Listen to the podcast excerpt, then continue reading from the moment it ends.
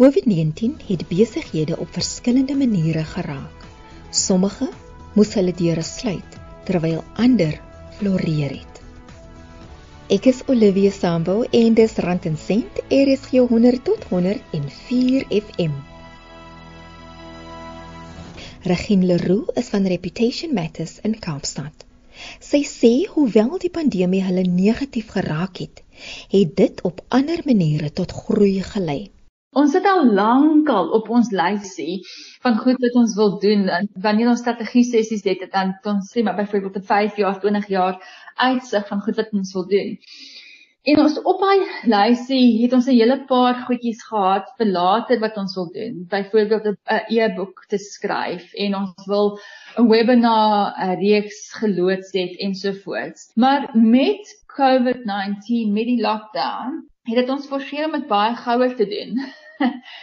en dit was nogal 'n goeie ding om vir ons ook so rigting te gee dink ek deur die lockdown omdat daar so baie onsekerheid was. Op 'n stadium het ons nie geweet hoe lank ons in lockdown gaan wees nie. Maar ons as 'n span het nog steeds besluit, okay, daar's niks wat ons aan die situasie kan doen nie, maar kom ons kyk hoe produktief kan ons wees? Wat kan ons doen in hierdie tyd om ook van ons kennis terug te gee? So ons het 'n e-boek geskryf en dit is vir net enigiemand wat wat belangstel daarin. Ons het 'n webinar, ons het 'n YouTube channel begin. So ek dink 'n groot deel daarvan is ook om te besef hoe kan ons ander maatskappye help om hulle reputasies te bou en hulle kennis op te bou in hierdie tyd. So toe ons 'n uh, hele reeks ook op YouTube ook daai inligting is is verniet vir enige iemand wat belangstel daarin. Elke jaar doen hulle reputasiebestuur navorsing by Reputation Matters om vas te stel of hulle as 'n maatskappy op dreef is met hulle eie waardes. Ek dink dit het ook vir ons laat besef oor hoe om ons eie kommunikasie te verbeter. Ek dink 'n groot les van COVID-19 is om fleksibel te wees en net weer eens die belangrikheid van persoonlike verhoudinge om dit te bou en uit te reik na mense. Dit was nogal erg dink ek vir baie mense wat tydens lockdown nie uit hulle huise kon gaan nie. So net om daai verhoudinge te bou, om 'n e-book te doen, om 'n webinars te doen, om 'n YouTube channel sodat ons kan teruggee aan maatskappye dat ons ons kennis kan deel in reputasie want ons visie is to be Africa's go-to reputation specialists to build resilient businesses. En die enigste manier hoe ons daai resilient businesses kan bou is een persoon en een maatskappy op 'n slag. Hulle groot doelwit is om Afrika die leier te maak op die gebied van goeie reputasies. Dit is nog 'n billetjie om dit alles in een go te wil doen. So, hoe breek ons dit af? Kom ons kyk Suid-Afrika. Kom ons kyk maatskappye. Kom ons kyk elke liewe persoon wat ons kan doen en elkeen speel 'n rol om sy eie reputasie te bestuur, maatskappy se reputasie die land en dan dan Afrika self. So ja, so waar ons dan 'n bydrae kan maak, dis wat ons doen.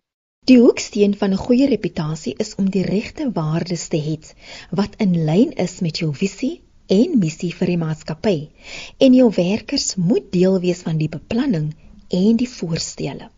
Wanneer ons ons navorsingsstudies doen, dan het ons gewoonlik 'n paar groepe mense of groepe wat ons aanbeveel deel met vorm van die studies. So dit is jou kliënte, dit is moontlik suppliers en die media ensovoorts.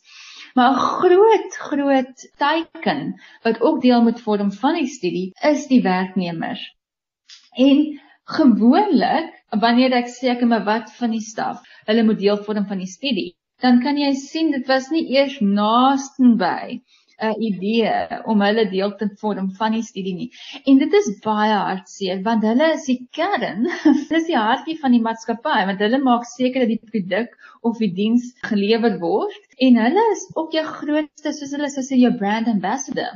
As jy mal is oor jou werk, dan gaan jy vir familie en vriende sê hoe wonderlik dit is en jy is mal daaroor om werk te gaan. Jy gaan vroeg werk toe, jy gaan kom laat by die huis want jy kry soveel genot daaruit Maar dieselfde gaan as jy nie 'n werk geniet nie. Jy gaan miskien 'n bietjie laat kom, jy gaan miskien 'n bietjie vroeër huis toe.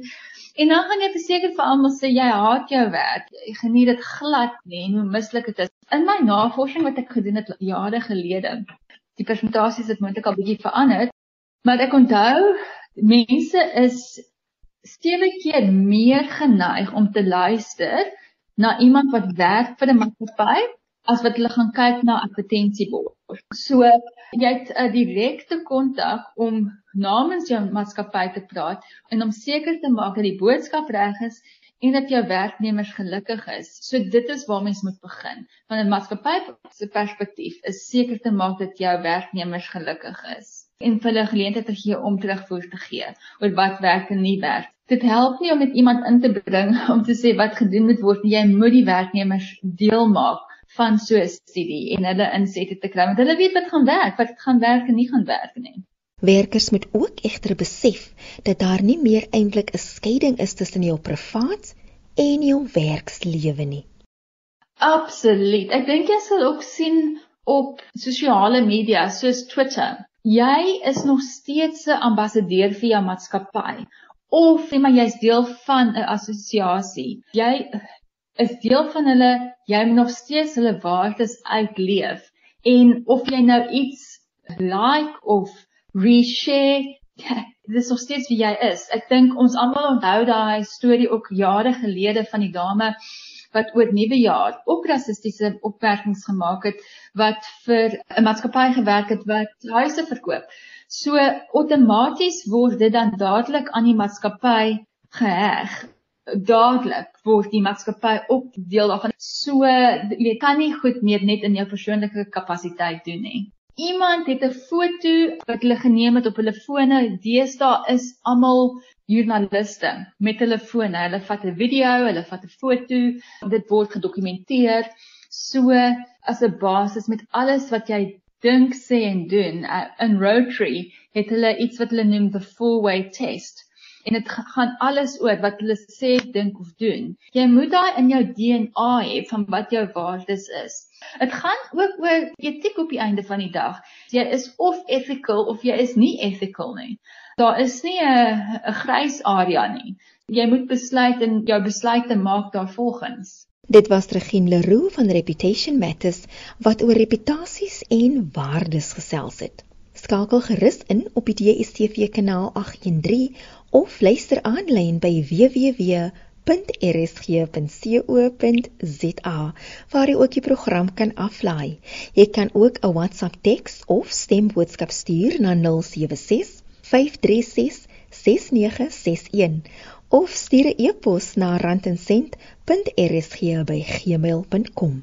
En dis randencent. RSG 100 tot 104 FM.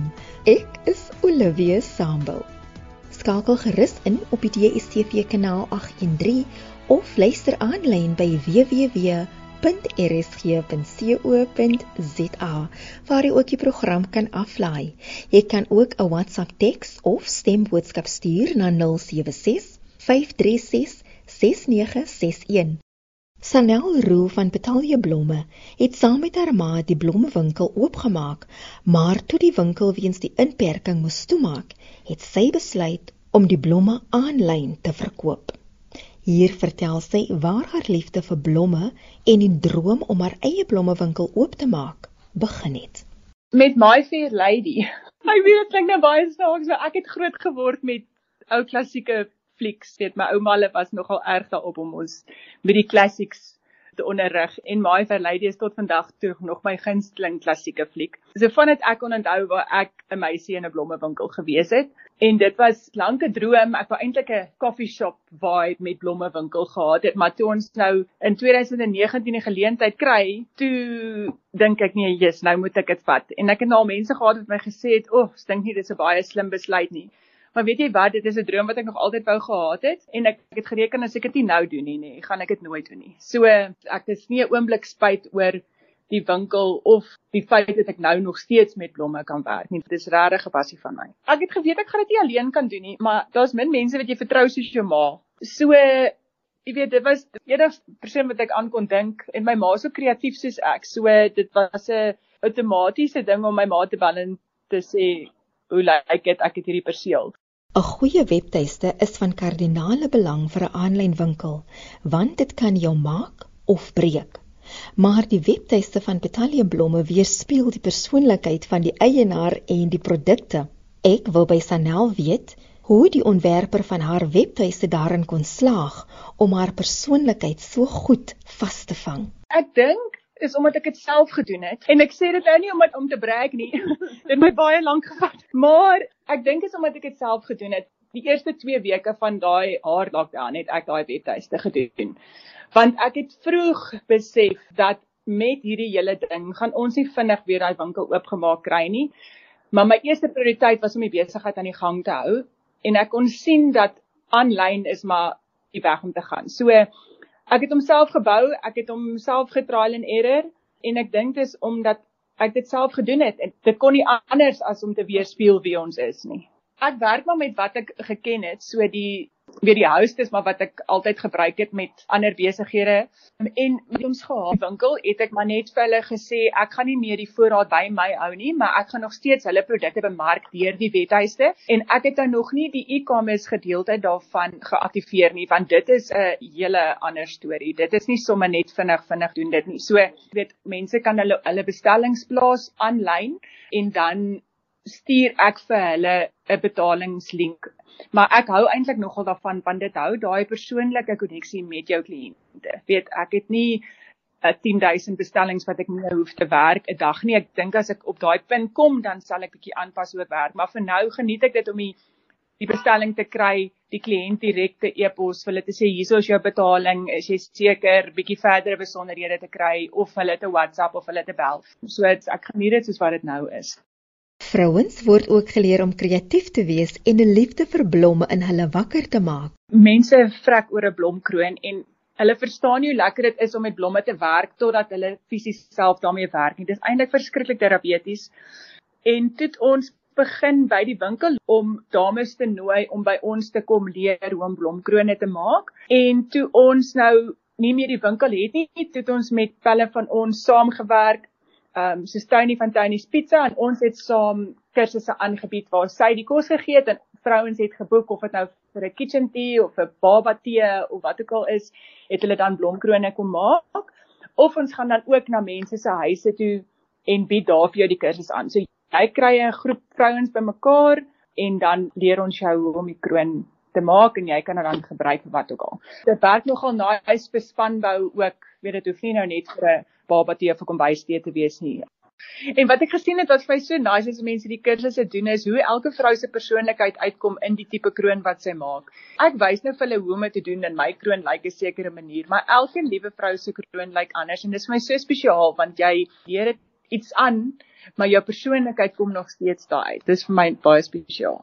Daar is ook verskillende dienste beskikbaar waar jy kan deel in die kreatiwiteit en die pragt van hulle blomme omdat ek van beroepe interieurontwerper is, het ons Betalia Interieurs ook geloods nou. So ons bied dit nou ook as 'n diens aan. Ons is nou besig met ons derde projek wat ons nogal baie trots op is. So dit is vir my lekker. En dan het ons ook besef, weet Betalia was baie lekker vir ons onmiddellike mark, maar om weier te gaan moes ons 'n Engelse naam bind tot ons besigheid en toe ons Floristry Studio geloods wat al ons groter bykomstighede soos troues en al daai tipe goedjies doen. En dan al ons kleiner rykers, ons afleweringe, ons blomkroon kursusse, al daai tipe goedjies gaan deur Betalie en dan Betalie interieur wat dan die die interieur vleuel is. Ek weet as jy nou weier daarna kyk, wat is dit die beste besluit wat ons kon doen om van die huis af te werk, nie oor daai huur te bekommer nie en nog steeds die mense te ondersteun wat ons ondersteun het in die winkel. Al is dit nou meer indirek en aanlyn. Dit was Sanel Roo van die aanlyn winkel Betalie Blomme. Willie Kloete is 'n privaat chef van Pretoria en ook 'n talentvolle kunstenaar. As daar daar is wat jy dink dat jy die mees vervelige werk in die hele wêreld het, dan het Willie die woorde van wysheid oor kreatiwiteit vir jou.